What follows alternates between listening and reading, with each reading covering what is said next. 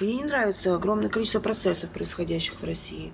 Я не понимаю, что мне делать, как это исправлять и кто это будет исправлять и вообще. Какие однозначные ответы мне дать, потому что у меня их нет. Этих ответов у меня их нет.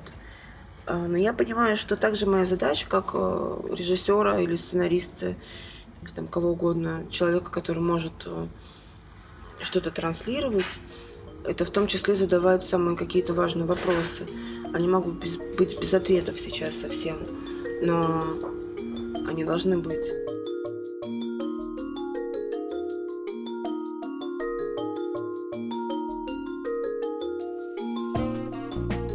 Здравствуйте. С вами Ката Битовт из Нанук. Вы слушаете Найла подкаст. Каждую неделю мы представляем новый эпизод, котором мы исследуем социальные, культурные, мировые темы. Это наш первый эпизод на русском языке. В нем я говорю со сценаристом и режиссером Натальей Мещаниновой. На данный момент Наталья является одним из главных сценаристов авторского кино в России – ее совместный фильм с Борисом Хлебниковым «Аритмия» в этом году был номинирован в 28 категориях. На кинофестивале «Кинотавр» картина получила гран-при, а также главный приз зрительских симпатий. «Аритмия» покорила зрителей тем, что необычайно аутентично передала жизнь работников скорой помощи и проблемы в государственном секторе, с которыми сталкиваются как медики, так и пациенты – Сейчас вы услышите отрывок из трейлера фильма. Я умираю, ты что, не видишь, что ли? Рот закрой свой. Вот так. Кто там на кухне лежит? Кому Гаянда? Из травмы. Ну вообще. Успокойся, Кать, ну успокойся, блин! Олег, не трогай меня! Ой, Володя, ну ты что? Твари! Твари! Суки! Хотите яркий пример человеческого фактора? Вот он. Распущенный врач. Также Наталья является режиссером. В 2014 году на фестивале «Кино Павасарис» ее фильм «Комбинат надежда» выиграл главный приз «Бальтия Жвилькснес» в категории дебютантов. Сейчас вы услышите отрезок из трейлера «Комбинат надежда». Предупреждаю, что в нем много нецензурной брани, которая может быть неприемлема для некоторых слушателей. В таком случае перемотайте на минуту вперед – ты приедешь в Норильск? Норильск? Да ну, блин, ну нафиг. Займи у кого-нибудь. Кого? Ну, на работе у кого-нибудь, у пацанов займи. Партнер постоянный?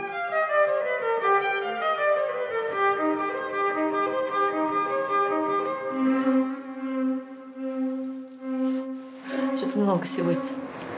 Я тебе сказала, отъебись от меня.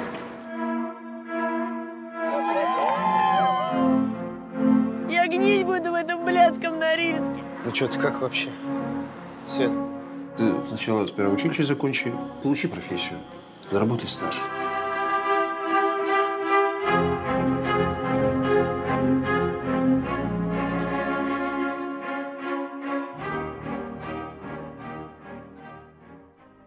Интервью с Натальей начинается от обсуждения закона, вступившего в силу 1 июля 2014 года, который запрещает мат в искусстве. Также мы говорили о взглядах Натальи на тему иммиграции, о том, чем отличается создание документального и художественного кино, и о ее работе в Литве. Желаю приятного прослушивания. Обмануть зрителя, правда это или неправда. Вот тут э, я не могу э, вдруг купировать э, какие-то вещи в речи героев в силу того, что вот это сразу выдаст э, неправду из-за того, что такая форма. А форма, она, ну, как бы жесткая, очень документальная форма. Э, в аритмии, ну, во-первых, это другой режиссер, да, а, при том, что я писала все равно с матом, и долго сценарий существовал с матом, пока не нашелся продюсер. И уже на каком-то драфте, втором или третьем, Сельянов, наш вот, один из продюсеров, сказал, Наташ, я начинаю влюбляться в этот мат, убери его. Я потом, я потом не смогу хорошо относиться к кино, если он будет дальше, потому что я чувствую, как он ну, как бы энергетически меня э, забирает. И я села кастрировать сценарий. Это было тяжело, потому что не всякий эквивалент находится каким-то словам, и нужно перепридумывать всю фразу, не просто, ну, скажем, блядь, заменить на блин. Это невозможно. Mm. Там, или как-то еще. Просто нужно перепридумать тогда вообще построение. Я это все стала делать, потому что понятно, что можно как угодно упираться, но Боря хотел прокат, и понятно, что наши врачи матерятся как, как я не знаю кто. Просто. Но вот нам пришлось это сделать, потому что а как? При том, что форма у аритмии все-таки не такая бескомпромиссная, как у комбината, в плане того, что все-таки это игровое кино, плюс близко, близко к реальности, близко к событиям, обстоятельствам внутри медицинской сферы и так далее, очень достоверная в плане каких-то э, фактов. Плюс эти истории врачебные не тоже взяты из реальности, но оно все равно игровое. В комбинате я хотела прям пройти по грани в этом смысле. Поэтому не, не ходила на компромиссы. Мое следующее кино не содержит в себе мата.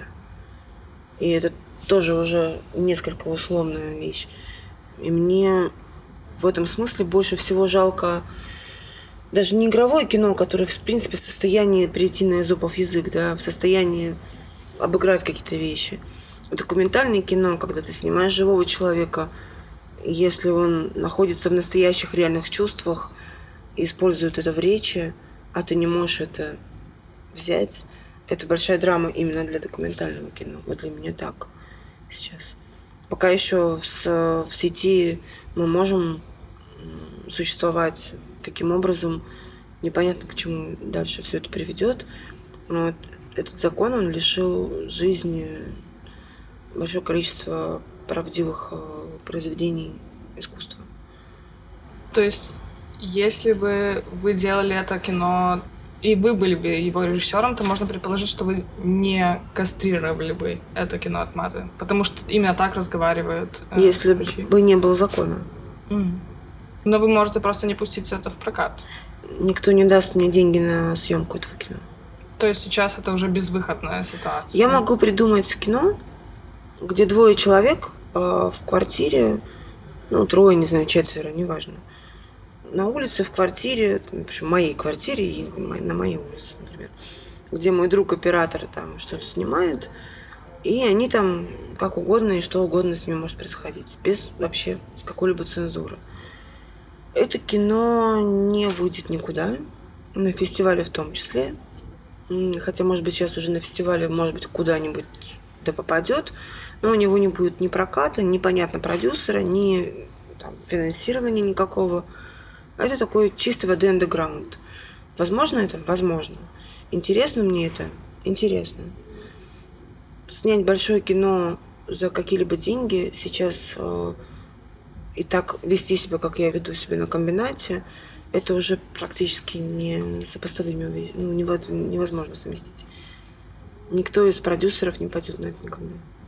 Вы говорили тоже где-то, что переезжать в Европу, допустим, вы не хотите, потому что вам о ней ничего не известно, и вы не смогли бы делать кино таким реальным, как вы его делаете в России, потому что вы знаете просто обстановку, и это ваша реальность. Но, допустим, аритмия, она совершенно понятно людям, которые смотрят его здесь. Это так, потому что в нем какие-то универсальные правды, эти персонажи сами по себе какие-то универсальные, или это потому, что мы все-таки из Восточной Европы, и нам ближе эта культура? Здесь важно понимать скорее не то, что на выходе по фильму, а то, что на входе. Потому что я знаю контекст э, своей страны, плюс я туда привношу свой бэкграунд, огромное количество фильмов я привношу себя как личность, живущую конкретно в этой стране, в каком-то определенном регионе, в определенной, в определенной среде. и на выходе получается там всем понятно, но вы не знаете, ну, сколько на входе возникает деталей, которые касаются именно России, да, про что я прям очень хорошо понимаю. Мало того, я думаю про то, что мне не нравится огромное количество процессов, происходящих в России. Я не понимаю, что мне делать, как это исправлять и кто это будет исправлять и вообще какие однозначные ответы мне дать, потому что у меня их нет. Этих ответов у меня их нет. А, но я понимаю, что также моя задача, как э, режиссера или сценариста, или там кого угодно, человека, который может э, что-то транслировать, это в том числе задавать самые какие-то важные вопросы. Они могут без, быть без ответов сейчас совсем, но они должны быть, эти вопросы. И моя, в том числе, задача продолжать заниматься авторским кино, насколько я могу. То есть вы чувствуете, что то, что вы делаете, приносит какую-то не только как бы личную пользу, но как бы и социальную тоже? Я не знаю, я не соцработник. Я понимаю, что это вообще другая профессия. Я не пытаюсь э, вытянуть общество с какого-либо его дна или не дна. Я понимаю, что моя, ну, как это внутренняя, наверное, задача, не социально-общественная вовсе, какая-то личностная, внутренняя, наблюдать, рефлексировать, интерпретировать, э, воспроизводить что-то, что происходит э, сейчас, здесь, сейчас. Потому что ни, ни, ни одно мое кино не является историческим или утопическим. Это все очень современные вещи. Любое это кино, будь это маленькая частная история, или будь это какая-то история, которая возникает, э, вырастает вдруг в общественную проблему, это все равно примета времени, современности здесь сейчас, ну, ну, как бы моей страны. Я не собираюсь бросаться громкими словами по, про там, патриотизм, потому что для меня сейчас это слово в контексте происходящего скорее ругательное, чем не хочется к нему примыкать, честно, с оттенком плесени, что ли. Но я без пафоса могу сказать, что, наверное, мой отъезд из страны что-то очень много украдет из э, меня самой. Какие-то вещи могут не, не родиться во мне, если я уеду. Это та же ярость, которая назревает, ярость, которую я испытываю сегодня по поводу событий в Кемерово. Она приносит свое... Что-то что возникает из этого, что-то важное возникает из этого, когда ты рефлексируешь, что ты думаешь, что-то из этого возникает, что ты потом можешь воплотить и еще рассказать. Кому рассказать, неважно. Как выяснилось, можно не предполагать э, никакого успеха, а он вдруг э, настигает тебя, и оказывается, все это чувствуют, понимают, видят. Ты не закладывал это, а это вдруг появляется, значит, это всем становится важным. Ну, задача искусства не в том, чтобы воспитывать, просвещать или там поднимать, не знаю, митинги. Это область эмоций. Ты чувствуешь что-то в связи с фильмом, не знаю, картиной, или нет. В этом как бы и маленькая, и большая роль искусства. Его нельзя награждать другими задачами, как то воспитание, там, просвет... ну, вот это все. Искусство не протекает в области морали. Это другая река. Это река области чувств. И поэтому оно нас так а, цепляет, так нас беспокоит и дает себя чувствовать людьми, которые живут. С Натальей я встретилась в Вильнюсе во время кинофестиваля «Кинопавасарис». Здесь она представляла «Аритмию» и еще один фильм, сценарий которого написан ею же. «Война Анны». «Война Анны» рассказывает о шестилетней еврейской девочке Анне – Вся ее семья погибает во время массового расстрела. Сама она чудом остается в живых и более двух лет живет, прячась в камине в комендатуре, пока деревню не освобождают от нацистов. За время целого полуторачасового фильма можно услышать всего несколько слов, поэтому послушать отрезки из него не удастся, но при возможности обязательно его посмотрите. Вы сказали, что ваше кино не историческое, а как же «Война Анны»? Оно все-таки... Это, наверное, единственный мой опыт. Я забыла про это. Но когда вы писали этот персонаж, даже если он поставлен на, на, на настоящем человеке, скажем, как вот ваш документальный опыт э, повлиял на кино вот, историческое? С одной стороны, мне нужно было воссоздать э, довольно документально внешнюю э, для Анны то, что ее окружает. Комендатуру, диалоги. Для меня это было дико сложно, и мне пришлось э, сильно погружаться и встречаться с историком, который узкоспециальной направленности именно на этом месте на... и в это время, в 42 год. Такой почти спившийся дед, который исключительно специализируется на Полтаве в период оккупации. Он мне все рассказал про устройство там, кто кому чего, как, откуда, еда, полицай, кто, ну вот прям вот про все. При этом мне нужно было очень правдиво показать страх девочки, ее чувства, переживания, поиск еды, воды, а как она выживает, что она вообще при этом чувствует. И то, и другое было очень сложным.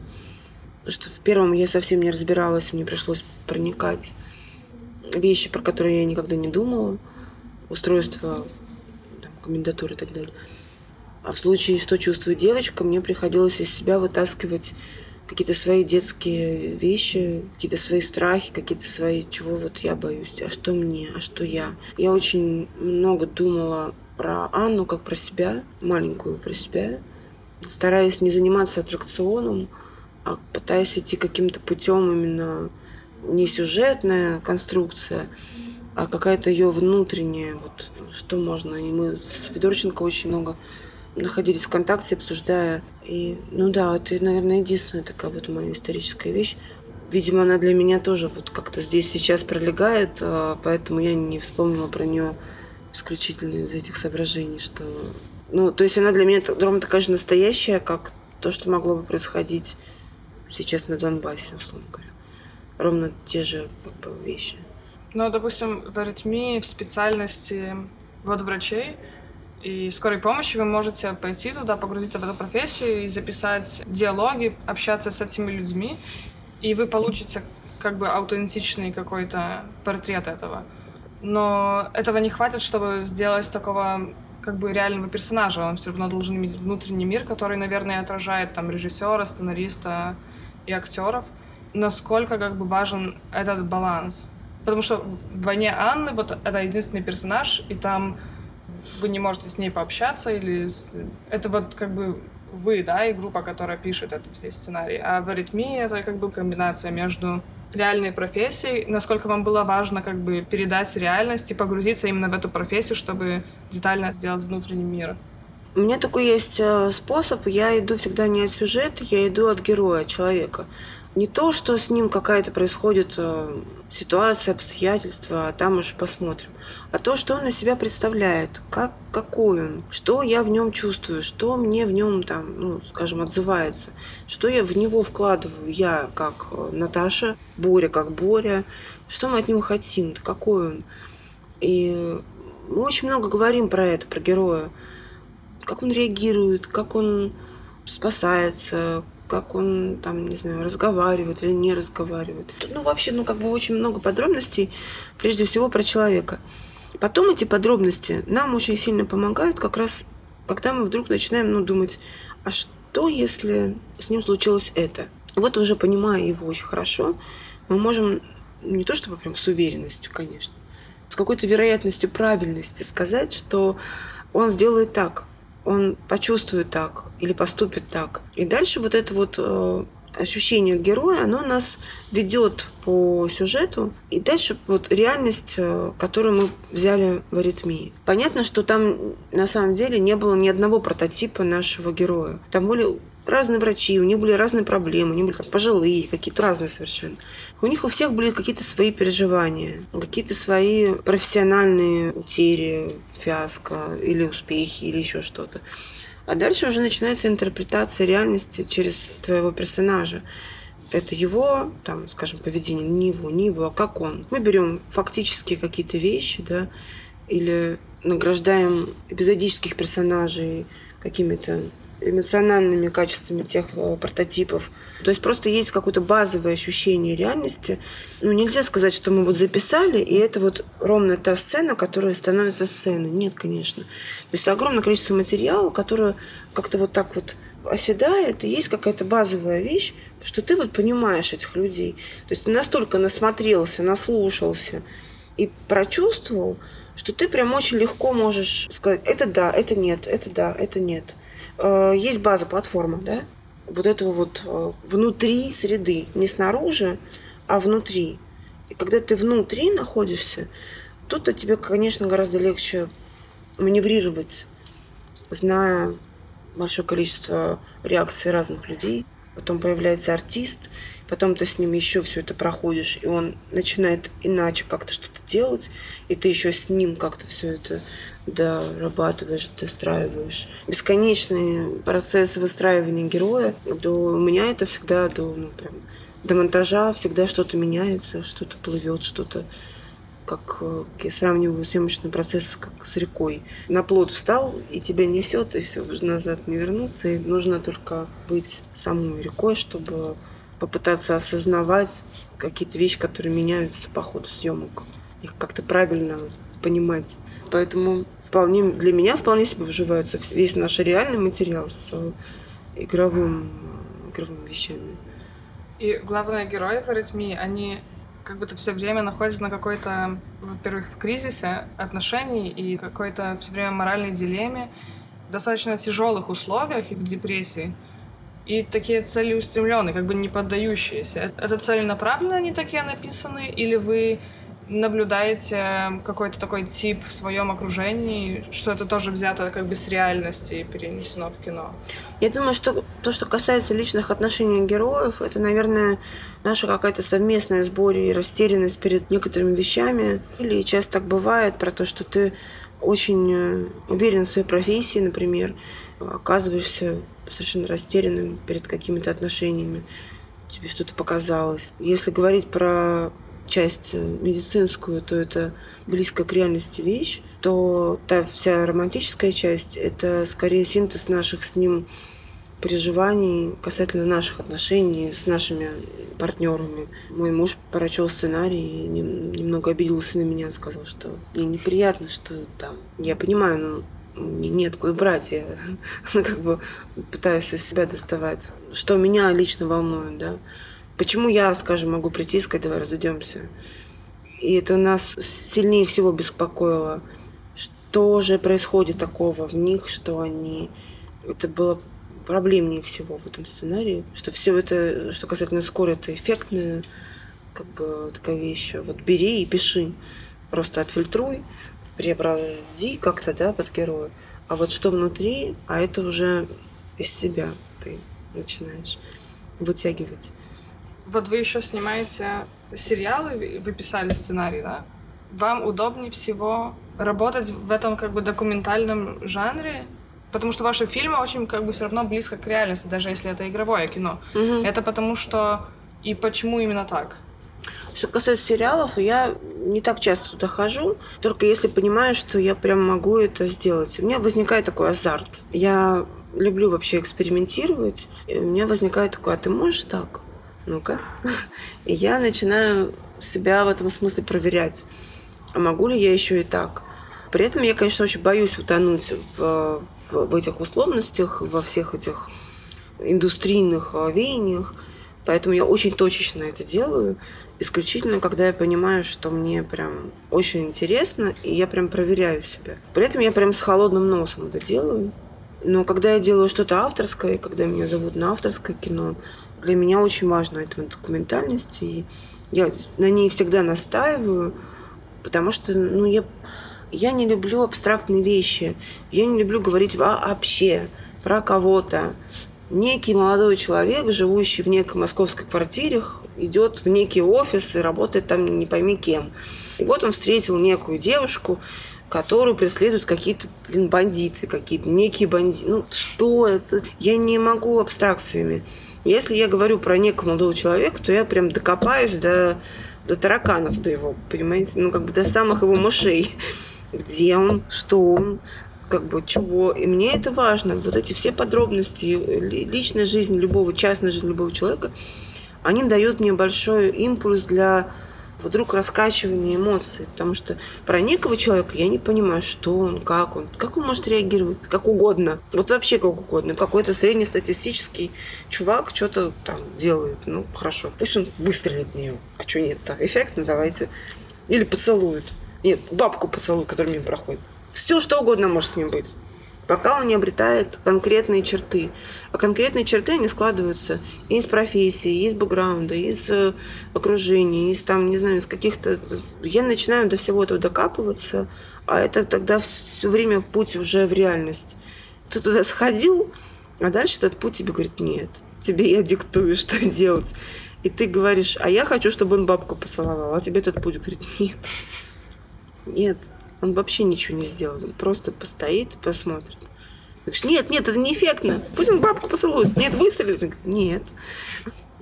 И тут вот, ну, как бы мне в этом смысле интересно, как вдруг мой поход, скажем, в реальный мир может изменить мое очень слабое и вялое, как пример просто. Мы сейчас с Борей пишем про моряков в Баренцевом море. Там очень классная фактура, и себе придумывали много чего.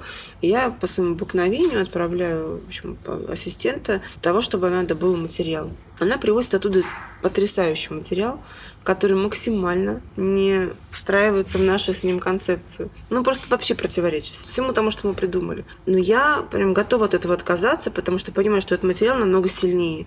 На его почве можно создать гораздо более сильную вещь не какой-то там умозрительный, никому не нужный, никому не нужное высказывание, а очень сильную, настоящую, с настоящими конфликтами, с актуальностью, с... и я отказываюсь от этой концепции и настаиваю на том, что надо от нее отказаться, чтобы прийти к вот этому, допустим, сохранив какой-нибудь сюжет оттуда, но так или иначе все равно двинуться в сторону нормальных людей, как бы не то, что мы там себе придумали.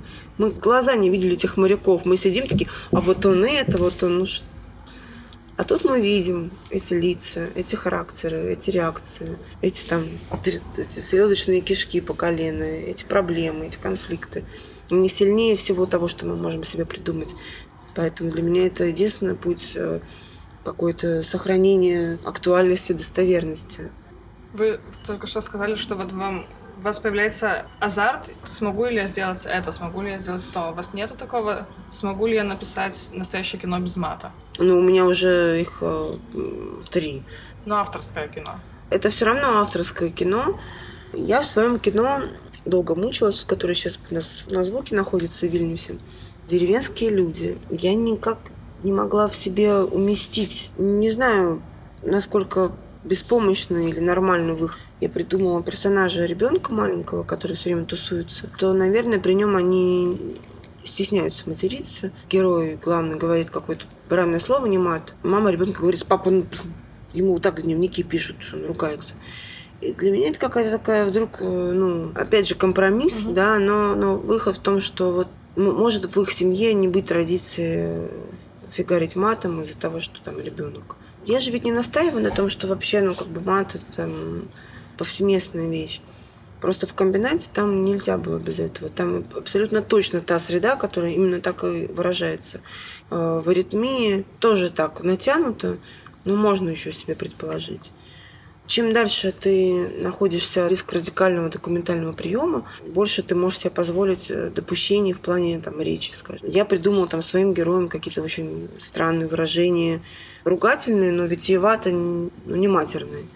Чтобы у него была такая какая-то своя странная речь. Тут э, есть такая штука. Либо ты снимаешь кино бесплатно, и оно идешь на уступки в плане законодательства. Но так или иначе, меня страшит немножко другое, потому что мат это не самое большое зло, а вообще степень высказывания сейчас очень э, под большим вопросом, потому что никто не знает, чего можно, чего нельзя. Начинается самоцензура. Приходит очень большое количество молодых людей, которые пытаются писать сценарии продвигать их абсолютно пропутинских каких-то там вещей. Все это печально. Хрен бы с ним, с этим матом, но очень многие пытаются в эту волну строиться, попасть так, чтобы ни сучка, ни задоринки, чтобы никто не отнял прокатное. А у нас сейчас э, ситуация такая, что за любую, как вполне даже безобидную вещь могут тебя как-то вдруг э, не пустить в прокат. За любое высказывание, которое как каким-нибудь э, идиотом покажется оскорбленные у нас тут все. Так что в этом смысле непонятно, чего ждать. Совершенно неизвестно. И последний вопрос. Вы сюда приехали не только с кино, которое вы уже сделали, но с новым кино, и вы делаете звук в Вильнюсе. И мне хотелось бы узнать, почему здесь и почему в Новой Вилейке. Потому что в нашем городе этот район имеет такую репутацию. Это район, в котором ничего такого не происходит, э, какие-то даже, может, чуть-чуть агрессивный район. И вот вы приезжаете. Это очень странно. Там живет э, звукорежиссер, с которым я работала на комбинат Надежды. И мне очень понравилось, э, как он сделал нам звук. Когда я писала сценарий, я попросила своих продюсеров, чтобы они пригласили этих ребят, Саулюса и Йонаса. И мои продюсеры смогли сделать такую продукцию с Литвой, привлечь деньги. И таким образом ребята эти оказались у меня на картине. И то, что они живут у вас там в каком-то районе, я, знаете, ну, пожалуй, там в первые дни только слышу. Просто он там живет. А, то есть в следующем году мы можем ожидать вас здесь снова с вашим новым кино? Да, если меня пригласят, я с большим удовольствием приеду на этот фестиваль, потому что я его очень люблю. И всегда приятно в Вильнюс приехать. Для меня такой очень хороший знаковый город. Спасибо вам большое за ваше время. Спасибо.